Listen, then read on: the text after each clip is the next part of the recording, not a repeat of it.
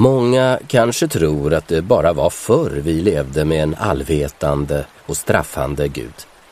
Jag tror den finns lika mycket idag. Den gamla gudens lagar stiftades av kung och kyrka i helig allians. Den nya gudens påbud kommer från teknikbolagen, finansindustrin och det militärindustriella komplexet.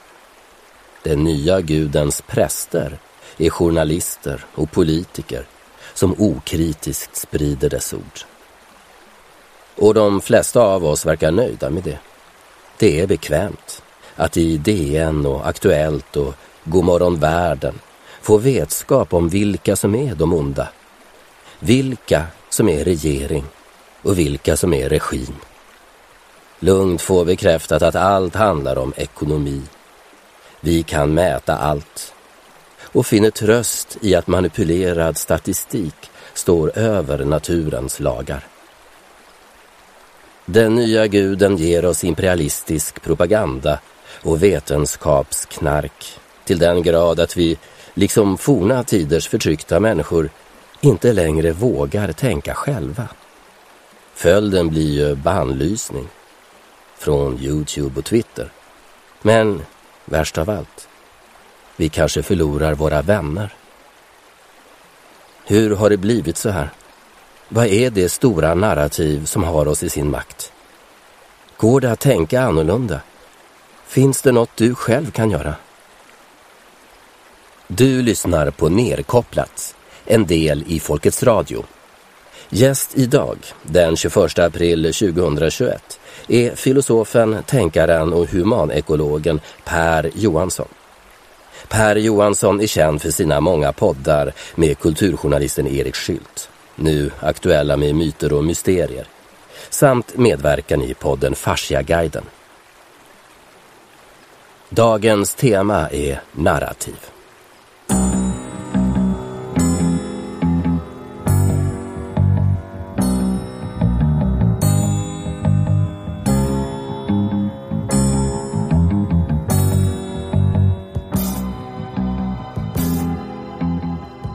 Välkommen Per, jättetrevligt att ha dig här. Tack ska du ha. Jag tycker så här att innan vi börjar prata om narrativ så kan du ge en liten kort beskrivning av vad du håller på med och kanske också vad humanekologi är för någonting. Vad jag håller på med just nu är egentligen eh, bara två saker. Dels gör jag en del poddar regelbundet med Erik Skylt och eh, av och till med andra som är dig nu då. Och um, sen håller jag på att skriva en bok som ska komma på Volante förlag nästa år någon gång. Arbetsnamnet är När logiken kom till stan och människan brast i tu. Så jag skriver en del essäer och dylikt för andra publikationer också. Så att i princip så sitter jag antingen och pratar i mikrofon, eh, sitter vid datorn och skriver eller eh, går omkring någonstans och tänker och läser en del. får jag ju också göra, så jag har lite koll. Så att eh, det är ganska lugn tillvaro nu för tiden. Vad är humanekologi då? Ja, humanekologi brukar definieras som ett samhällsvetenskapligt ämne som handlar om samhällsvetenskapligt och humanistiskt ämne som handlar om människans förhållande till naturen. Eh, men det inkluderar en del naturvetenskap också i den mån man tycker det är intressant och relevant för något eh, syfte. Så att det, det är tvärvetenskap kan man säga. Om, centrerat just kring vad, vad är egentligen förhållandet mellan människan och naturen? Hur kan man förstå det i olika tider, på olika platser, bland olika folk? I modern tid, i forntiden och hur ser historien ut egentligen och så vidare. Det främsta narrativet som, som styr våra moderna västerländska liv, vad är det? då det dominerande narrativet, alltså berättelsen om världen och människan och vad vi håller på med egentligen och varför, eh, har ju från, det e-, etablerades från slutet av 1700-talet och framåt, men framförallt under 1800-talet, början av 1900-talet. Och sen har det hängt kvar och byggt upp, vad ska man säga, varit den dominerande idén bakom hela det moderna projektet överhuvudtaget. Och det, det är det som idéhistoriker brukar kalla för framstegstron. Eh, eller framstegstanken. Och det är alltså föreställningen att nu i modern tid så har människan äntligen börjat förstå saker och ting på allvar. Nu har vi naturvetenskap som talar om att så här fungerar naturen. Det, det, eh, alla andra folk och alla andra tider har man liksom inte förstått det där riktigt, men nu har vi förstått det. Och eh, inte nog med det, Eh, de, eh, de ökade vetenskapliga kunskaperna, de eh, accelererande tekniska landvinningarna, den ekonomiska omdaningen av samhället allt det där har man, föreställer man sig också att det har en någon sorts moralisk effekt på människan. Så att man förbättrar samhället, man förbättrar levnadsvillkoren och därmed förbättrar man också på något sätt människan och människans villkor och, och, och så vidare. Och, och, Jag tror inte det är någon överdrift att säga att utan det narrativet som en självklar bakgrundsförklaring till vad man håller på med när man har byggt upp det här moderna samhället, så hade det inte blivit av. För att varje generation från under 1900-talet säg, har på något sätt arbetat för att göra det bättre för nästa generation. Och det har man gjort på de här premisserna då, alltså den tekniska ekonomiska utvecklingens premisser. Det är så man det är så vi får bättre hälsa, det är så vi får bättre bostäder, det är så vi, ja, allt, allt som vi tycker är bra blir bättre. Det är det man har jobbat för och det, det narrativet har då, eller vad säger jag, den aktiviteten, den strävan har då eh, så att säga haft sin kosmiska, kosmologiska ram i det här framstegs framstegstanken. Och inte bara då i människans värld, i det här moderna, utan även i naturen om man liksom tänkt sig på något sätt att det finns en sorts eh, framsteg. Fast eh, riktig... Vad menar du ja. med det? Alltså att männi... det finns väl inga fram... Den håller ju på att dö. Vi, vi håller ju på... Ja, men jag pratar nu om berä... den, berättelsen. Den, den, här berättelsen har, som jag sagt, varit en nödvändig bakgrundsassociation för det moderna projektet. Problemet med det moderna projektet är ju att det har, det har varit en tro det här, det är en, det är en sorts religiös tro. Problemet med tro, till skillnad från vetande, det är ju att är, är ju att när, när tron så att säga inte uppfyller sina löften så, så börjar, bör, börjar det hela, hela bygget liksom fall, fallera, hela Kollapsa. motivationen. Fallera. Men jag hörde i Fascia-guiden, då, då formulerade du, du som det att, eh, att det stora um, narrativet eller propagandan är att vi inte tror på våra egna sinnen, att vi inte själva tar eh, ansvar för vad vi tänker, utan att vi hela tiden överlåter allt till experter. Att vi inte har en egen åsikt om någonting, utan bara tar in expertåsikter. Det, det, ja, visst, så är det också, men det skulle inte jag kalla ett, eh, ett narrativ då egentligen, utan det är i sig, utan snarare en effekt. En oförutsedd och oväntad och eh, effekt av, den, av eh, de praktiska aktiviteter den här framstegstron har inneburit. För att, för att den ska kunna så att säga, genomdrivas i praktiken, alla dessa eh, byggen och utvecklingar av alla slag, så har den krävt en, en, en ökande specialisering. Och vi har ju också ett ekonomiskt system som hjälper till med detta. Att vi måste ju få pengar i rullning och då kan man ju inte göra saker själv utan då måste man hela tiden lägga ut det på andra. Är det också en effekt av framstegsmyten? Eller ja, finansieringen av det hela är ju, är ju en, ett, ett an, alltså själva berättelsen är ett ben i det hela. Finansieringen av det hela, hur det fungerar, låneekonomin och så vidare, Eh, ha, eh, är ju ett annat ben i, i det hela. Och det, det tredje benet är då teknologiutvecklingen och de här samverkar ju på olika sätt. Men det jag skulle säga apropå berättelsen om framsteget, det är att den håller ju inte längre.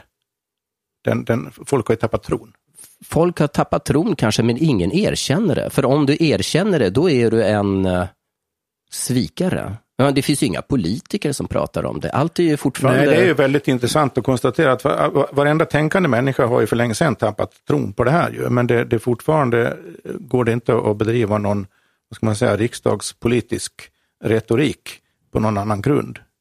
Eh, det tycker jag är rätt intressant. Jag tror också det är en bakgrund till att, att eh, väldigt många människor i sina vanliga yrkesliv i princip upplever att saker och ting visserligen fungerar hyfsat än så länge, i, i det här specialiserade hänseendet, men det går liksom på tomgång också. För att i den meningen att ingen vet, om, om man ställer frågan varför finns den här institutionen? Varför gör ni detta? Varför strävar företagen efter det här och det här? Och varför ska ekonomin se ut på det här viset? Så fort man ställer varför-frågan så är det otroligt svårt att få något vettigt svar på det. Tidigare kunde man sagt, som jag sa, jo, vi gör det här för att nästa generation ska få ett bättre liv nu, nu låter det väldigt ihåligt att säga det, så det, det, är ingen som kommer på den tanken. Nu men man gör vet vi det här för ska, att vi ska ha ett jobb. Man, ja, men man vet jobb. inte vad man ska säga jobb. istället. Så blir, ja, men exakt, det blir liksom helt individcentrerat. Jo, men ja. jag gör det här för att annars kan jag inte betala mina huslån eller någonting. Ja. Men du som är så bevandrad i myter och mysterier, som din och Eriks podd heter, kan du se, kan du se att det här som vi upplever nu, den här hybrisen som mänskligheten håller på med, har det några motsvarigheter i gamla tider, i gamla civilisationer eller gamla berättelser som vi kan lära oss av? Framstegstron i sig är ju en mytbildning. Den ja. har ju alla kännetecken som en, kännetecknar en, en myt egentligen. Att den, den är man ska jämföra med andra Alltså fram, själva innebörden och innehållet i framstegstron, föreställningen om en progressiv utveckling, är unik för modern tid. Jag känner inte till någon annan civilisation som har haft en sån idé. Dominerande har snarare varit att man har upplevt, i alla fall i, i un, un, till exempel under antiken, både antika Grekland och romartiden och så vidare, så såg man ju vanligen som att Även till och med det vi kallar det gamla Egypten hade den föreställningen att det var bättre förr. Mm. Ja, men... Så, så, så, så liksom det, var degenererat, det var degenererat. Va? Och, och det, det, men, men sen har ju så att säga syftet, syftet bak, alltså det som, den mytologi som håller ihop och är, är, är motivation för en, vad en civilisation gör och självbilden och så vidare, ser ju kolossalt annorlunda ut i alla andra fall. Och det finns större likheter mellan olika andra och äldre civilisationer sinsemellan än det finns mellan dem och oss. Vi är väldigt unika, avvikande egentligen. Egentligen finns det ju två spegelbildsnarrativ av varandra som väl fortfarande är egentligen de som styr, skulle jag säga, för att det, det är ingen som har riktigt kommit på något alternativ i vår kultur. Det ena är då framstegstron. De som håller fast vid det, de fäster sig numera väldigt mycket vid eh, den digitala teknikutvecklingen och det yttrar sig som och det sol brukar, och vindkraft. Ja, ja, på miljöområdet så kallat så, så är det mycket det, alternativ energi. Eh, alternativ till olja då, men i, i, största allmänhet annars så är det, ju, är det ju det som brukar kallas transhumanism som står för framstegstron, att man så att säga integrerar oss mer och mer med, vår, med teknologin. För att vi, vi, det finns en känsla av att nu har vi, är vi på väg att uppfinna sådana kraftfulla, mer och mer eh, intelligenta saker, alltså artificiella intelligenser. Så nu gäller det att hänga med här som människor, annars så blir vi frånsprungna av vår egen teknologi, så vi måste liksom koppla ihop oss mer och mer med det. Och, och, och det är ju då den transhumanistiska framstegstron egentligen. Det är ju någon sorts egentligen hypervariant av, av det som har varit innan. Alternativet är ju då att, att, att, tänka så, det var, ja, det var bättre förr, eller det här går ju åt helvete. Och, och tendensen där är ju att tänka egentligen i grund och botten precis likadant, men sätta minustecken det, framför det som de andra sätter plustecken för. Så att det, båda två är ju lik, fast i samma mytologi och lika fyrkantiga i sina slutsatser skulle jag säga. Så att det, det är någon, någon sorts komma ur det där eh, progressiva tänkandet antingen så att säga bakåtriktat eller framåtriktat. Man måste komma ur det. Jag fattar inte riktigt det bakåtriktade progressiva tänkandet. Menar du? Regressiva tänkandet, regressiva alltså åter tänkandet. till naturen så att säga, åter till det, något, något ursprungligare, tänkt ursprungligt, neoprimitivism och allt vad det finns. Mm, Okej, okay. men tror du inte att vi kommer att tvingas dit då, vad det, vad det lider? För energi är ju inte någonting som man kan producera som vissa tror den kommer ju, alltså olja, fossila bränslen kommer att ja, ta slut eller bli för dyra att utvinna. Och med det så är det omöjligt att hålla igång sol och vind och hit och dit. Så att vi lär ju långsamt, vi pratar kanske generationer här, men vi måste ju jag kan tänka mig, långt för flera hundra år framtiden så tror jag vi kanske lever med många, stora delar utan elektricitet och sådana saker. Ja, men- 1700-talsliv liksom. Och, det, och det, kan ju bara, det kan ju också vara positivt. Jag menar, vi har inte samma sjukvård och vi kan inte, det kanske inte finns internet och sådär, men det kan vara ett jävligt bra liv i alla fall, om du, har, om du är frisk. Är det regressivt tänkande? Ja, det, om, om, om man tänker på det som någon sorts... Jag- Jag skulle, alltså grunden för, för, för mitt tänkande är att jag tror att när någonting väl finns så försvinner det inte i första taget. Så att ä, även om energiförsörjningen skulle fallera i stor utsträckning, så att energitillgången skulle inte vara lika stor, så skulle ju den, de teknologier som har utvecklats i det skedet fortfarande finnas kvar och fortsätta att användas och fortsätta att prägla vad som händer är du säker på det? Ja, det känner jag mig helt säker Men på. du, jag- Där, men skillnaden kommer att vara mot nu, då kan man fortfarande föreställa sig att de här teknikerna skulle vara eh, relativt, de, de är ju inte det nu, jämnt fördelade, men de skulle kunna bli mera jämnt liksom fördelade utnyttjade. Ekonomin skulle kunna se annorlunda ut. Hela världen och för det där, 1998 års internet. ungefär någonting i den stilen. Den, den, jag, jag, en väldigt möjlig konsekvens framöver är ju att det blir en ökad differentiering i samhället eller se- segregering i samhället. Ja. Det, det, det, det tror jag är det säkraste framtidsscenariot, för där är vi redan i princip. Får jag ödmjukt komma med lite mothugg här? Ja, jag vet inte om det är i din podd, eller er podd som jag har hört där, men till exempel när romarna lämnade Britannien, England, 300-400-talet, eller vad det var, då regrederade det samhället flera hundra år. Då kunde inte ens göra krukor längre. Allting föll sönder, för det fanns inga pengar, det fanns ingen som köpte det. De gick tillbaka, det tog flera hundra år innan de kom tillbaka på den tekniska nivå som de hade när romarna var där. Eh, har jag läst någonstans. Och, det- eh, och det finns väl andra civilisationer också, Maj, nu är jag så, men Maya och, och ja, men stora civilisationer som också har brakat samman och har tagit flera, flera, flera hundra år innan de har kommit tillbaka igen. Och varför skulle inte det hända vår globala jättecivilisation? Tänk kärnvapenkrig. Eller något. Ja, men det, fin, det, det, det är ju ingen brist på katastrofscenarier och generellt så är jag väldigt ovillig att överhuvudtaget säga om, om framtiden. Eh, Så, så jag, jag kan inte sitta och säga vad som är, vad som är sannolikt eller hur det, hur det kommer att, bli, men man, man behöver ha det viktiga är att inte, apropå narrativ och berättelser, det absolut viktigaste är att inte fastna i, i, i dem. För att, och det är det jag menar att, att den här framstegstron förekommer i två former. Den förekommer i en form som tror att det kommer att bli bättre.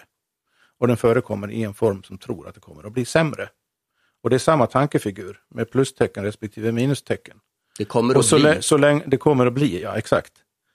Och du är lite inne på det du, det du säger också, va? För, för, eh, i, i, som en implic, implicit i alla fall. Och, och så länge man tänker i sådana termer, att man har liksom en, en grundberättelsetankefigur som utgångspunkt, vare sig man den är positiv eller negativ, så, så är man fast i den och, och kan inte tänka utanför den. Och det betyder att man i nuet inte kan tänka annorlunda heller. Det är ju, det är ju, det är ju framförallt, hur det än blir så är det nu det behöver göras och tänkas saker och ting. Och är man nu då fast i antingen plustecknet eller minustecknet i det här avseendet så kommer man inte att kunna komma på det som skulle behövas kommas på. Nej, för du sa ju i Fascia-guiden igen, då, som jag nyss lyssnade på, att, att eh, det första man måste erkänna för sig själv är att vi är, eh, alla är vi fast i narrativ och vi måste erkänna det för oss själva, eller något sånt. Ja, det kan man väl säga. Det gäller ju generellt att med- medvetenhet om hur man tänker och vilka, vilka premisser man utgår ifrån när man försöker fundera på någonting. Medvetenhet om det är ju väldigt grundläggande. Och när det, när, när det gäller utgångspunkter för hur man tänker så finns det ju det finns ju ingen lag, varken moralisk lag, eh, juridisk lag eller naturlag eller någon lag av något slag överhuvudtaget som säger, som säger någonting om vad, vad man kan tänka eller får tänka. Det går, man kan och får tänka precis vad fan som helst ju. Det, det, det, det, så, så att det, det, är det som är problemet med att vara fast i, i viss, vissa berättelser eller vissa grundtankar eller vissa antaganden om verkligheten. Det är, är, är att är man det så, så kan man bara tänka utifrån vad som följer av det.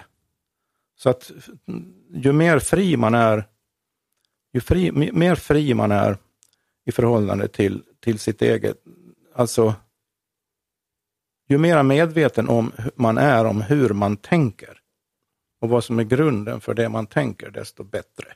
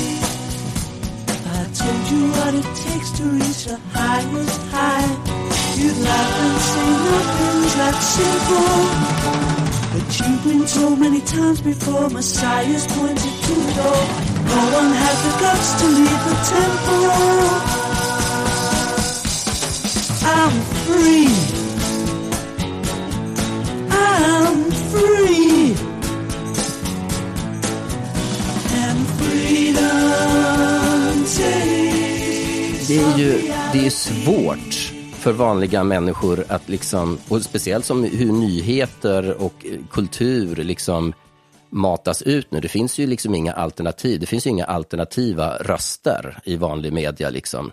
Vi ska inte ens ha en aning om den andra sidan. Vi ska bara anklagas liksom. Vad kommer det ifrån? Är det något mänskligt det där att hålla sig till ett, för jag ser det som ett narrativ. Och snart kommer vi in på det djupare narrativet. Men om vi håller oss till den här politiska eller åsiktskorridoren, vad vi ska kalla det för. Varför, är det något mänskligt i att, att vi fungerar så? Och är det så att ja, eliten, massmedia, politiker, storfinansen, kapitalbolagen liksom utnyttjar det? Det du beskriver nu är, är, är, är ju bara en fråga om ren maktutövning. Det, ja. det är ju totalitär, totalitära tendenser som har blivit starkare och starkare. Det, det är ju väldigt lätt, lätt att se. Om man, om, om man tittar på hur vetenskap och forskning idealt sett ska fungera, om man tittar på hur ett demokratiskt samhälle idealt sett ska fungera eh, och hur debatter borde vara och hur pressen borde fungera som maktkritisk balans balansera makten så att säga.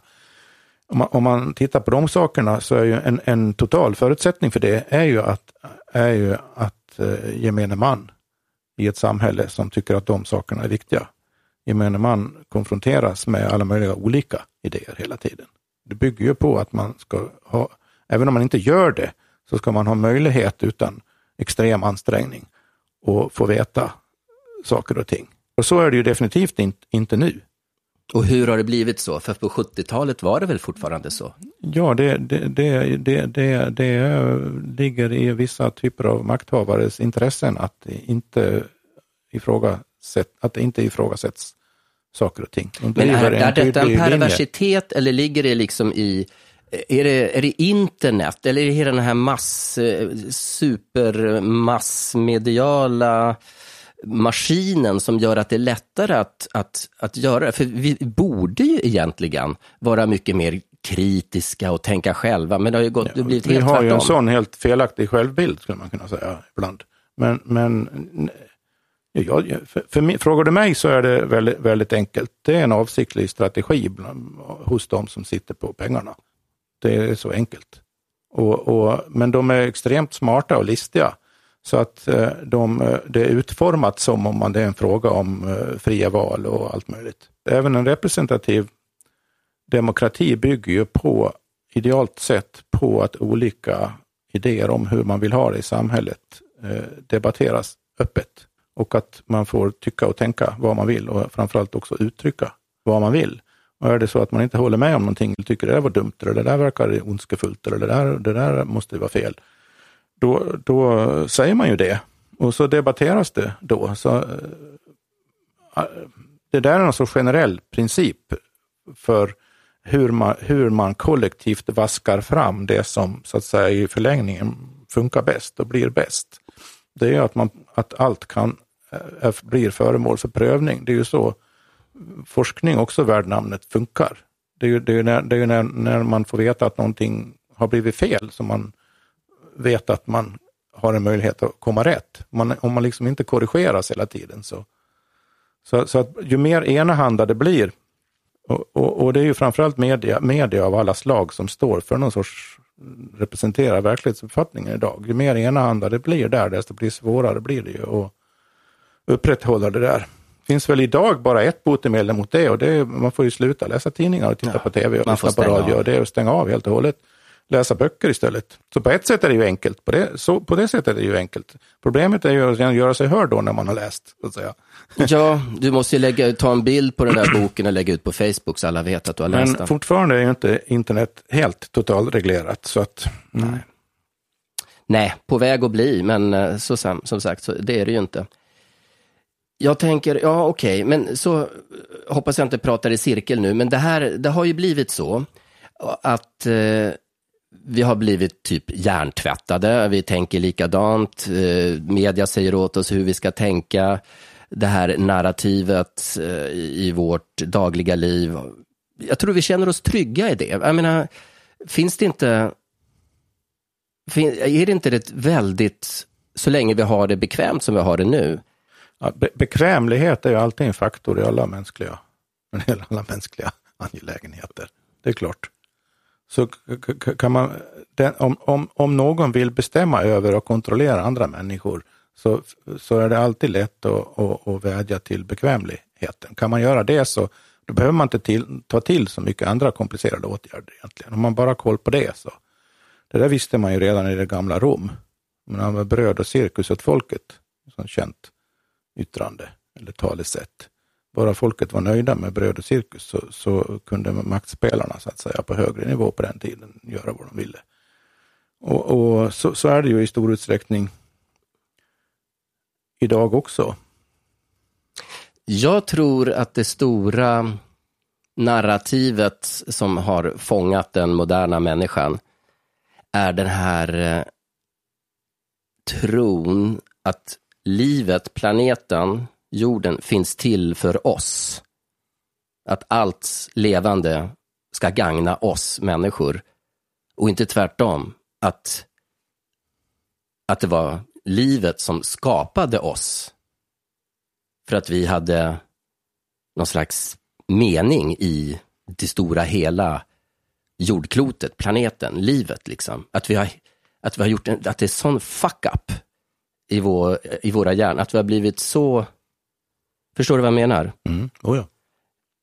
Och ja, det här är ju klassiskt. Det är naturfolks Wakantanka, liksom moder jord. Det är ju det tänket jämfört med vårt. Och jag tror ju, du kanske ser det som primitivistiskt, men jag tror ju att vi måste helt och hållet tillbaka till det tänkandet. Vi kanske har med oss det vi har med oss från oljetiden i form av soldriven traktor och ett liten internethydda i byn där någon shaman jobbar med kommunikation eller något. Vi måste ju liksom hitta tillbaka till att vi bara en del av någonting mycket, mycket större och inte herre över något liv. Och där kommer vi in på ja, religion också alltså Gud skapade jorden och så. Vad, vad, vad, vad tänker du när jag säger så? Det tänkandet är någonting som behöver återuppfinnas i vårt sammanhang. Det, grundpremisserna i det tänkandet, eller rättare sagt den, den upplevda attityden till själva tillvaron. Samhörigheten med allt annat som existerar det är ju ingen, det är inget narrativ. Det är ingen berättelse, det är ingen ideologi, det är ingen filosofi. Det är en, eh, en levd verklighet. Och det, det, det är därför jag kritiserar, liksom, eller implicit kritiserar primitivism som, som någon sorts ideologisk grej. För att det har ingenting med det har ingenting med det förflutna att göra. Det har ingenting med något enklare att göra. Tvärtom skulle jag vilja säga att i, i de kulturer som har omfamnat och uttryckt och levt i enlighet med den här grundläggande samhörighetsattityden till tillvaron, de är i själva verket i sin eh, inre värld oerhört mycket mer komplexa än vad vi är. Vi är extremt enkelspåriga. Vi, vi, är, vi är liksom dumma i huvudet, rent ut sagt. Ja, jag menar, skogen är ju så oerhört mer komplex än Shanghai, liksom. Ja. på alla sätt. Ja. På hur allting är kopplat ihop, hur allting fungerar. Hela, alltså då pratar jag en riktig skog, inte någon jävla tallplantage. Liksom. Och det där är ju någonting man, man behöver, vi behöver liksom inte bara förstå som någon sorts ny teori eller ny vetenskap eller ny, ny politisk ideologi. Det här är ju någonting vi var och en av oss behöver eh, utveckla en förmåga att erfara i oss själva först och främst. I vad vi håller på med. Och där menar jag att det, det kan man egentligen faktiskt göra även mitt i stan. Och jag tror också det är nödvändigt att, att eh, utveckla, erövra en sån attityd även i förhållande till den artificiella världen. För att vi, behö vi, behöver, vi behöver kunna urskilja vad den gör också, hur den spelar med i det här. För nu, det är en oerhört stor del av den mänskliga tillvaron nu som är bokstavligen artificiellt konstruerad. Och den existerar i yttervärlden precis som djuren och skogarna gör. Och drar massor av energi. Ja, ja, men alltså den existerar. Vi behöver ja. förhålla oss till den och, och, vi kommer som människor aldrig att kunna göra oss av med en, en, en sorts artificiell eh, omgivning runt omkring oss i ett eller annat avseende. Så vi, vi behöver kunna tänka på den också utifrån hur, hur, eh, hur vi egentligen erfar den. Och det finns ju, det finns ju sådana, jag menar, de som inte har några egna ekonomiska eller andra intressen i, i teknikutvecklingen märker ju av det där. Man märker ju av hur påverkas man av mobilanvändning? Hur påverkas man av av tv-tittande. Hur påverkas man av, eh, vad är skillnaden mellan att eh, läsa en tryckt bok och eh, läsa en korttext på en skärm? Det finns en massa sådana där urskiljningar man kan göra. Men jag vill påstå... I förhållande till artificiella, som om vi gör de urskiljningarna rätt, så kommer vi att konstruera en annan sorts artificiell verklighet också. En mer, ett mer humant internet, kanske. Alltså jag tror inte på det alls. Jag tror att eh, eftersom all, all eh, eftersom mänskligheten fungerar så nu och nu verkar den ju helt desperat. Det är ju sådana tekniksprång och det är sånt eh, verkligen full fart mot eh, stupet liksom vi blir ju bara mer, allting blir ju, man kan inte betala med abstrakta pengar längre utan det ska vara en abstraktion av en abstraktion i form av digitala siffror. Allt du ska göra, du, du klarar det ju inte som en vanlig människa utan din mobil i fickan längre med bank-id och, och parkeringsappar om man har bil och, och, och hur man ska kommunicera. Alltså, och det kommer ju bara bli mer och mer och mer med 5G och 6G och 7G. Och, alltså, är det inte bara, är det inte bara, nej men fimpa skiten och bygg ett, vet jag, någon slags Christian.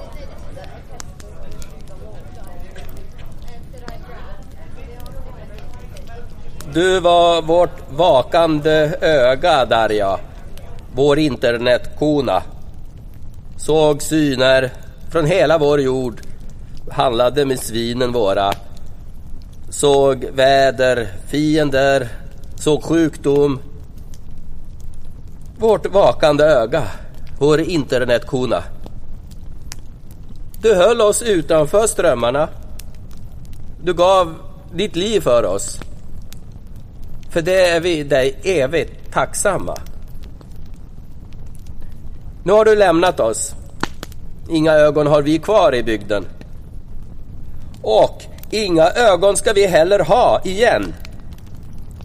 Vi klarar oss ändå. Vi har vapen. Vi har svin. Vi brygger ett gott öl. Vi har varandra och skogen vi lever uti. Vi ska klara oss utan dig Darja. Utan internetkona. Nu förstör vi din maskin. Vad den är får vi ändå inte sticka under stolen med. En ond magi. Nu är det bara vi, människor, djuren våra och Gaias harmoni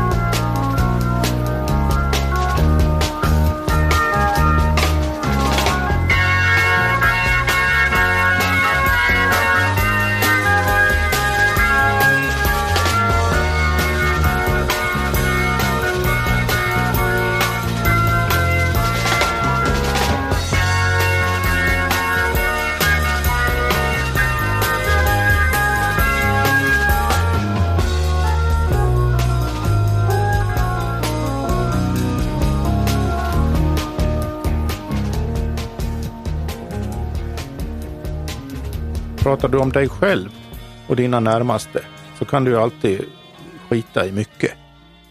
Eller hur? Pratar, ja. vi, om, pratar vi om den generella, och det tycker jag man mycket väl kan göra om man lagd på det hållet. Det, det tror jag är bara bra för många, eh, de som klarar av det. Men, men eh, pratar man om samhällsutvecklingen i stort så, så är det helt orealistiskt att tänka nå, någonting, någonting sådant. Och apropå det här, de här exemplen du nämnde nu då, vad, vad, vad är grunden för det, den utvecklingen? Vad är egentligen den tekniska grunden för den utvecklingen? Ja, den är ekonomisk. Nej, men vad är den tekniska grunden för den Aha. utvecklingen? Ja, det är ju att vi måste, vi måste gräva ut massor av mer gruvor för att få Ja, men det är också ekonomi i, okay. i, större, hög, högre mening. Ja, ja, det digitala, det, digit, ja, det är viktigt. Det är en mm. viktig aspekt av det hela. Att den typ av realisering av vad man skulle kunna kalla den digitala potentialen, potentialen med digital teknologi som vi ser, den, den är, följer mönstret av den gamla eh, imperialismen, kapitalismen. Den mm. följer mönstret av, av hur man har gjort under framstegstrons tid, mm. skulle man kunna säga. Ja, det är det ultimata eh, framstegstrons... Ja, men det finns, ing, det finns ingen naturlag eller, eller annan lag eh, av något slag som säger att den digitala potentialen måste användas på det sättet. Det, det, det, det, speciella med den digitala verkligheten eller möjligheterna är ju att de är i stort sett totalt plastiska i den meningen att de, de har ingen egen agenda alls. Man kan forma, digitalt kan du forma, skapa algoritmer för i stort sett vad som helst. Så det som, det som avgör vad som skapas och sprids, det är ju ekonomisk politiska intressen. Men så, så där, där, därmed är vi tillbaka i maktfrågan igen. Så, men jag ser, det, det är därför jag, håller med, jag brukar akta mig för att bedriva för mycket teknologikritik och säga liksom skrota all teknik för det är så dålig kritik. Jag hävdar att det inte är tekniken som är eh, eh, teknikbasen så att säga i sig som är dålig, utan det är att den används av intressen och i syften som är dåliga. Så om internet hade fått utvecklas som det var tänkt från början, om det nu var tänkt så, men som höll på att utvecklas i början, att det blev ett instrument för alla. Att, eh, att det är fritt, att det inte är Facebook och Google och Twitter som styr, ja. utan att det blir anarkistiskt ja. eller socialistiskt eller fritt eller vad man nu vill säga. Då är det bra, då funkar det. Men men då, har jag, ja, då ska det till en, en digital revolution då på något vis. Att, någon slags krigen, de här stora frihetskrigen kommer att ske i det digitala då med men en, hackare ja, hit och dit. Nej, nej, nej men alltså det, det, finns en annan sida här då också som, som, som inte beaktas tillräckligt. Det är att den, den typ av digital utveckling jag har sett hittills har fått eh, som konsekvens att det vi kallar den digitala världen, digital kommunikation och så vidare, är, har så att säga fjärmats från den konkreta fysiska verkligheten. Och vi upplever det ofta så också. Vi upplever en, det är en väldigt stor skillnad som du och jag nu sitter i samma rum och pratar, än om vi hade suttit på Zoom och pratat. Det, det, alltså, det går att uppleva sådana skillnader. Och, och, och, och distanseringen av det digitala från det fysiska, alltså det abstrakta från det fysiska, har gått väldigt långt. Det är, så, det, det, det är egentligen i den formen vi har mött den digitala potentialen i väldigt stor utsträckning hittills. Och det beror på att, att eh, väldigt mycket på de, på de så att säga, gammalmodiga ekonomiska premisserna går att effektivisera något alldeles fruktansvärt eh, med digitala medel. Och det är det vi ser konsekvenserna av. Men det, det beror på att det har följt den gamla logiken och, man, och, och, därför har det så att säga det digitala sprungit ifrån det fysiska och fysiska butiker stängs till exempel, man handlar på internet och så vidare. Det, det, det behöver inte fortsätta så. Det finns ingenting i det digitala i sig som säger att det behöver vara på det viset. Man kan lika gärna vända på det och, och säga, ja men vi vill leva i den fysiska världen. Vi vill ha fysisk kontakt med varandra. Vi vill vara närvarande i förhållande till varandra. Och så ställer man frågan, hur kan vi använda det digitala för att förstärka det? Och den, den kan mycket väl ta, ta, ta, ta fart på, på väldigt annorlunda ekonomiska premisser än vi har känt till. Då behövs den ju inte. Jag menar, det är ju som naturen så oerhört mer komplex än en värsta superdator. Liksom. Och eh, eh, en kommunikation två människor emellan är ju oerhört mycket mer levande och rik och fantastisk och full av... Ja, men varje, varje teknik som hjälper på något ett eller annat sätt eh, hjälper eller förstärker eh, en människas förmåga att eh, lära, tänka, utveckla sig själv och andra och samhället överhuvudtaget. Varje sådan teknik tillför ju människan någonting. Ta, ta, bok, ta skrivkonsten till exempel. Den, den öppnar, ju, öppnar ju upp möjligheter till eh, reflektion och eftertanke som inte är möjliga utan skrivkonst. Då, då skulle man liksom, om man, om man, om man skulle kritisera då skrivkonsten eller boktryckarkonsten på samma sätt som du nu kritiserar det digitala, då skulle man säga, jo, men det, då skulle man peka på alla de negativa effekterna av det då, på minnesutveckling och allt möjligt. Och, och på traditioner och så vidare. Och det var det ju en del som gjorde på ett tidigt stadium. Då skulle man säga att då, skrota det där, den där farliga skrivkonsten, den vill vi inte ha. Det är samma sak nu med det dig, dig, digitala. Jag tycker inte det är någon meningsfull eh, attityd helt enkelt. Okej, okay, men jag tycker du gör det lite lätt för dig där. Det går inte, skrivkonsten, visst, det var ett intellektuellt jättekliv liksom.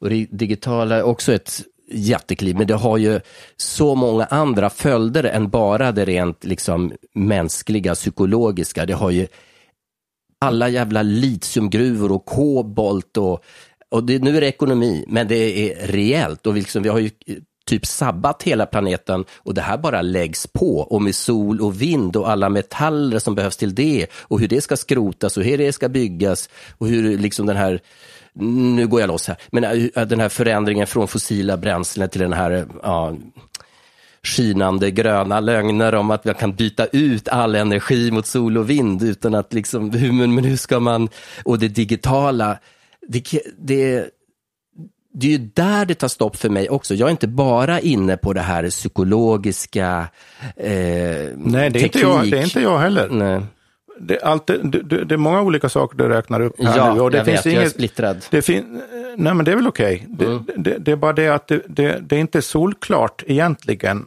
eh, hur de sakerna hänger ihop och om de behöver hänga ihop så som de hänger ihop nu. Det, så, som, så som läget är nu är det precis som du säger och det är ytterst problematiskt. Men frå, fråga, jag hävdar väl, fortsätter väl att hävda tills motsatsen görs tydligare för mig i alla fall, att um, det är drivkrafterna bakom ekonomin i det som är orsaken till att det är som det är, snarare än teknikerna i sig. För, för att liksom få ett annat perspektiv på hur man kan tänka på sådana här frågor så brukar jag säga så här till exempel att all mänsklig artefaktproduktion, alltså allting vi tillverkar som är artificiellt, Vare sig det är dricksglas eller bandspelare eller monitorer eller stenyxa, stenyxa eller, eller det är um, hus eller allt, vad det än är, kallar jag i allmänhet för artefakter då. Någonting som så att säga en gång i tiden har varit en idé i huvudet på en eller några personer och så har den förverkligats som ett föremål i yttervärlden som används av andra personer. Och det, det är ju så den, vår artificiella värld som vi liksom lever i, de flesta av oss nu för tiden helt och hållet, eh, har ju tillkommit gradvis på det viset. Så vi, vi relaterar till den som natur egentligen. För de flesta människor är det mer naturligt att vara i stan än ute i skogen. Det är ju många stadsbarn, stadsbarn som blir liksom bokstavligen rädda när de kommer ut i skogen och vet inte hur de ska bete sig och känner inte igen någonting, vad konstigt det luktar och så vidare. Känt fenomen bland innerstadsbarn som är på utflykt. Så det artificiella är det är varenda artificiell grej vi pratar om här nu, oavsett vad det är för någonting, har tillkommit i, av en viss anledning i ett visst syfte och manifesterar detta i sig själv egentligen. Det manifesterar en viss typ av användning, en viss typ av, av, av eh, kontext, sammanhang runt sig. Så att det ska, bidrar till att skapa en viss miljö. Och vad, vad, är, vad är anledningen till det? Vad är ursprunget till det? Jo, det är hur vi människor känner och tänker och umgås och relaterar till varandra. Det är ursprunget till alltihopa. Egentligen. Det, det, så det enda sättet att komma åt de här till synes omöjliga, hopplösa, svåra frågorna, det är att återföra dem till oss själva till hur vi egentligen funkar när vi gör någonting, när vi skapar någonting. Vad är det som händer? Vad är det som händer när vi realiserar någonting i yttervärlden?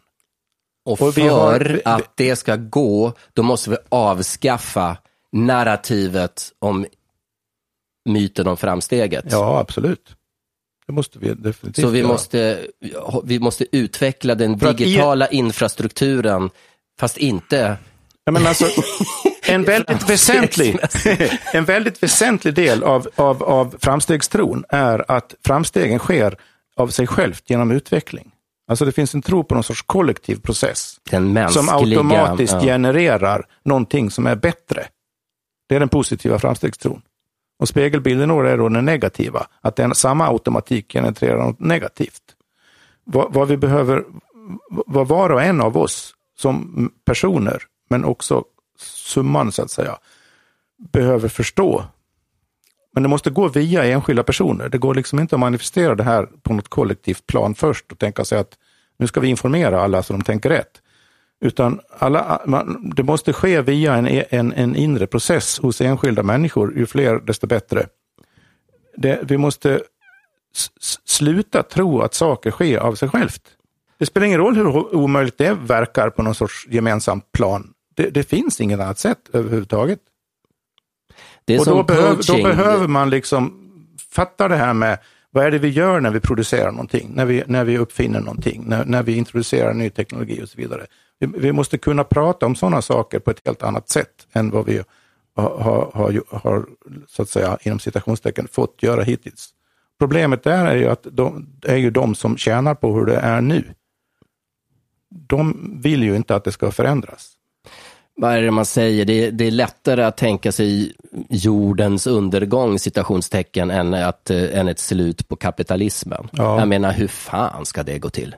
Vi är ju helt, alla har sina lån, alltså nu pratar jag om oss rikingar i väst, men det är, det är bara det är bara sådana som lyssnar på nedkopplat. Nej, men alltså, vi är, ju helt, vi är ju fast i den här maskinen. Det krävs ju, om vi ska ändra på det ekonomiska systemet och förstå att vi är en del av naturen, att mänskligheten bara är en liten jävla parentes i det stora hela. Det betyder egentligen ingenting, men vi har tagit oss den friheten att vi tror att allting är skapat för oss och att vi ska leva på hundratals miljoner år av lagrat solljus i form av fossila bränslen och bara bränna det på 200 år och, och tro att, det ska, att, att vi ska kunna fortsätta göra det. Alltså,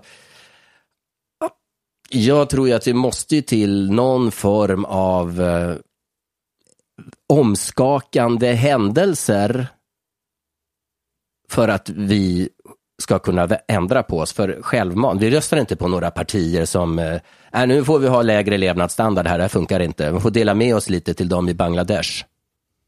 Och göra våra egna kläder och en t-shirt kommer kosta 970 spänn. Jag tror det gäller kollektivt samma sak som det i grund och botten gäller för, e- för, för den enskilda personen. Nämligen att eh, antingen förstår man något tillräckligt tidigt i förväg för att undvika en personlig katastrof. Eller också gör man det inte och då händer katastrofen. Och då har man förhoppningsvis överlevt så att man kan lära sig något av saken. Och det samma sak gäller kollektivt såklart. Det är därför jag säger att det finns egentligen bara två alternativ. Det finns, det finns bara ett alternativ till att fortsätta och det är att bli medveten om, om, om, om saker och ting. Och ju fler som blir medvetna, desto bättre. I, vår, I vårt sammanhang här, det är ju inte bara, man kan inte prata om väst längre när det gäller det tekniska eh, Nej. livet så att säga. Det är väl snarare så att öst, Kina, Korea och så vidare. Taiwan ligger ju otroligt mycket längre fram än vad ja. vi gör nu. Det känns ju närmast, har man varit i, Kina på besök till exempel, så, så känns det gammalmodigt när man kommer hit igen.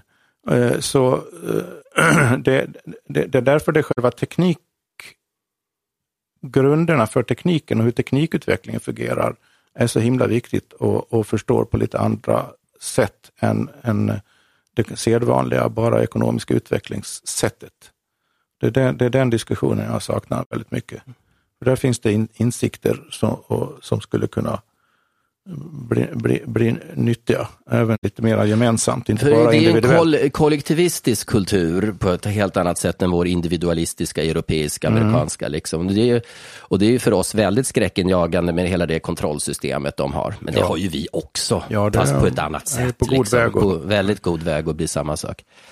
Men du, vi, ska, vi ska göra så här, vi ska avrunda så det inte blir för långt. För jag tänker göra en till grej här, som, mm -hmm. du inte, som du, jag inte har berättat för dig, som är lite så här frifräsig. Men det ska vi ta en liten paus. Men jag vill ändå att du, eh, alltså vi måste bli medvetna. Och så jag bara, okej, okay, bli medvetna. Men eh, kan vi konkretisera det när vi slutar? Vad är det vi måste bli medvetna om? Vi, behöver, vi ska inte bli med, medveten om, är det många som är. Men genuin medvetenhet är ovanligare. Det, det, det förutsätter att, att man faktiskt medvetet lär sig, först och främst uppmärksammar och sen lär sig mer och mer hur man egentligen förnimmer sig själv, sin egen kropp, sin omgivning, sina vänner och bekanta, vad man håller på med och så vidare. Alltså bokstavligen kroppsligen intuitivt förnimmer det utan att tänka en massa. Så att man, man och, och alltså, man kan kalla det för karaktärsutveckling eller självkultivering. Det innebär att man, eh, att man uppmärksammar vad som pågår, inte bara i en i någon sorts egomening, inte alls i den meningen egentligen, utan att man i, i, intuitivt kroppsligen erfar sina reaktioner på allt möjligt eh, både i en själv och i yttervärlden. Vad man äter, vad man, vad man gör, vilka, vilka tv-program man tittar på, vilka böcker man läser, vilka människor man träffar. Varför man gör det man gör, hur det känns när man är på det och den och den platsen, i den och det sammanhanget eller eh, med den och den personen. Alltså att man verkligen urskiljer det. Det kallar jag för medvetenhet eller urskiljning. Och det, det, det, har ingenting med att vara medveten om någonting, utan det är liksom en, en konstant medvetenhet hela tiden som hjälper en att göra rätt prioriteringar. Och då på, den, på, en, på en sån grund så kan man börja urskilja eh, vad som så att säga går i rätt riktning och vad som går i fel riktning. Och för där, en själv? Ja, för en själv. Men jag tror att det där är ett gemensamt, i grund och botten ett gemensamt sinne. Men eftersom för, för vi är bara en del av allt livets väv på hela planeten så kanske den lilla medvetandegörningen, kan man säga så, sär, in, särskiljning, nej vad sa du?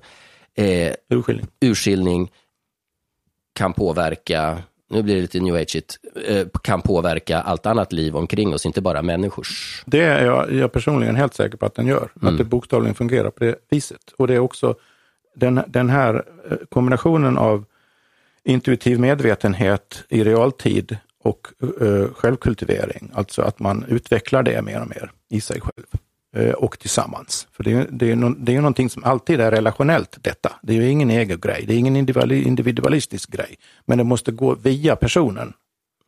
Alla personer, alla närvarande måste ju på något sätt leva i, i den attityden. Jag tror det är precis det som är, uh, är den funktionella premissen för de här icke-moderna kulturerna som du har, mm. också har hänvisat till. Det, det, är på de premisserna den fungerar. De, de tänker sig inte fram till hur de ska bete sig, utan de känner kontinuerligt hela tiden av vad som är rätt i stunden. Och, och det är en förmåga som kulturellt behöver odlas. Och det är det har vi blivit urusla på helt enkelt. Och det är det jag menar då, jag ska inte ta sista ordet, men nästan, att det, det är mycket svårare med den digitala det digitala liksom över överheten som ligger över oss. Oh, gud vad dåligt formulerat. Men den digitala Nej, men infrastrukturen. Ja, men det är svårare. Så som den ser ut nu är det svårare, absolut. Ja. Men det behöver, den, även, inte ens den behöver fungera eller utvecklas eller existera på, på den grunden. För att om, om du tänker dig mm. att en digital miljö och teknik och potential utvecklas av människor som har den här urskiljningsförmågan, intuitivt, då kommer den att se väldigt annorlunda ut och finnas i väldigt annorlunda sorters sammanhang av annorlunda anledningar.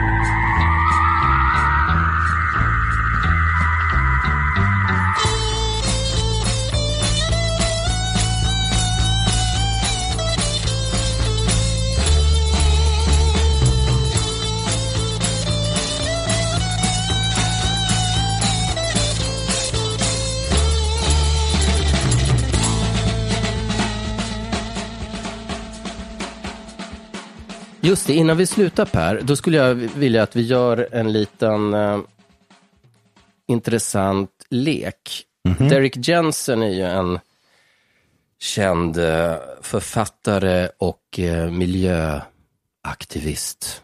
Ah, det är så svårt att hitta bra definitioner på människor, men det får gå.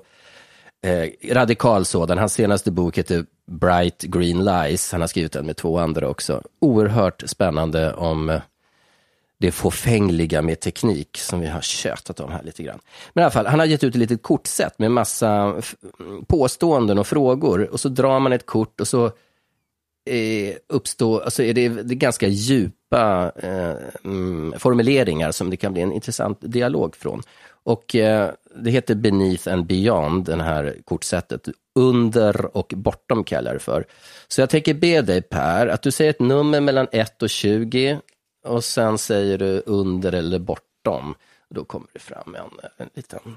Okej, okay, säger jag 11. 11. 1, 2, 3, 4, 5, 8, 9, 10, 11. Och under eller bortom? Ja, ja Applap sa att du tar bortom då. Bortom, det är den vita. Okej. Okay. Så här lyder den. Do you believe humans are more intelligent than non-humans? How do your beliefs manifest in your daily life? Alltså, tror du att människor är mer intelligenta än icke-människor? Och dessa, hur, hur påverkar den tron ditt dagliga liv? Intelligens är ett relativt och variabelt begrepp. Jag är helt säker på att koltrasten jag har utanför fönstret ibland är mycket intelligentare än jag på vissa vis. När andra, andra saker är jag intelligentare. Och, och för den delen så är råttorna i kloakerna intelligentare än koltrasten på vissa vis. Så det där är, generellt sett är det där en rätt meningslös fråga, ärligt talat. Ja, jag har lärt mig att intelligens är, eh, definitionen av intelligens är vad man får för resultat på ett intelligens intelligenstest. Ja, för, för människor i vår kultur är det ofta det, vilket är ju enastående dumt naturligtvis. Ja. Det är parodiskt. En slags cirkelresonemang. Men okej, okay, jag tycker det här är en intressant uh, påstående i alla fall. Det är inte någon av de bättre i kortsättet, men uh, ingen är ofelbar. Uh, alltså, jag såg en... Det här med träd, hur träd och skog och svampar, mycel och mykorrhiza, mykorrhiza eller mykorrhiza eller vad det heter, hur det sitter ihop och hur de har en annan form av intelligens, hur hela naturen är en form av intelligens, hur hela kanske jorden är en fantastisk intelligens, Gaia-teorin liksom. Vad är, eh, är, är vårt, vårt medvetande, vårt uh, fantastiska eh, funktion vi har, att vi kan abstrahera och tänka om att vi tänker, om att vi tänker, om att vi kan dö och allting det ju, behöver inte vara mer intelligent, som du sa här. Är det... Nej, men men behöver, för att kunna svara på en sån fråga överhuvudtaget eh, i, i, någon, i någon sorts resonemang så måste man ha en definition av vad man, man menar med intelligens i och för sig. Så om, om, om man tänker någonting i stil med, och det finns ju många olika definitioner av, av, av intelligens. Men låt oss, låt oss ta den som har så hög status i vårt samhälle, någon sorts Eh, kombination av eh, informationsbehandlingsförmåga och snabbhet och, och associationsförmåga och, och, minnesförmåga och liksom yes. allt det där i ett. Va? Ganska stora delar av det som vi tycker är, eh, som vi premierar kulturellt och ekonomiskt som, som intelligent. Det håller ju våra eh, konstruermaskiner på att bli bättre på. Mycket av det. Och, så, och, och, det är därför man har bokstavligen börjat debattera artificiell superintelligens och sånt där. Och det där, det där är ju, det visar ju bara hur trångt det intelligensbegreppet är. Jag, jag personligen skulle jag vilja re, relatera någon sorts mera djupare, meningsfullt intelligensbegrepp till det jag sa om eh, självkultivering och urskiljning och intuition. Mm, att, fortsätt med det. Att, att om du om, om, om, om du har en intuitiv uppfattningsförmåga i realtid om var du egentligen befinner dig i för sorts situation med vilka människor och ja, överhuvudtaget i, i relation till omgivningen på ett sätt som är adekvat. I, dels i förhållande till omgivningen och situationen, men också adekvat i förhållande till din egen eh, inre kompassriktning som jag brukar prata om din egen urskiljning om vad som är så att säga den rätta vägen som människa att följa och utveckla och gå. Om du har den sortens urskiljning och kommer på att du borde kanske ha någon inre kompass att orientera dig efter, eh, då, då är intelligens för mig, ju högre den förmågan är med alla de ingredienserna, desto intelligentare är du. Och har man det som en definition, då, då, är, då är ju de flesta av oss här i moderna väst fruktansvärt dumma i huvudet. Och, skulle jag vilja påstå, koltrasten där ute, Oerhört mer intelligent. Absolut. Ja, visst. För den vet vad den håller på ja, ja. med. Ja, Myran i stacken. Ja, ja. I stort sett allt som lever. I... Vår egen kropp är att förglömma har samma intelligens som koltrasten i det avseendet, men vi är väldigt dåliga på att lyssna på den. Mm. Så svaret på frågan är alla varelser är mer intelligenta än den eh, generella svensken? Ja, sett som individ, ja. Och jag, jag, jag, måste tyvärr inkludera mig själv där också. Ja, det är bra. Ödmjukt. Det är därför man, man jobbar med, med sig själv och försöker bli intelligentare i det här avseendet hela tiden. Så att man, eh, ja, allt från att leva fullödigare till att må bättre, till att förstå klarare. Allt det där hänger ihop med, med det. Och där, där är väl var och en av oss, hoppas jag, medveten om var man fallerar. Och i varje, varje avseende man fallerar så finns det ju en möjlighet att förbättra då. Så om man ska prata utveckling så är det den sortens utveckling jag är för. Det är något helt annat än den här kollektiva framstegstroutvecklingen.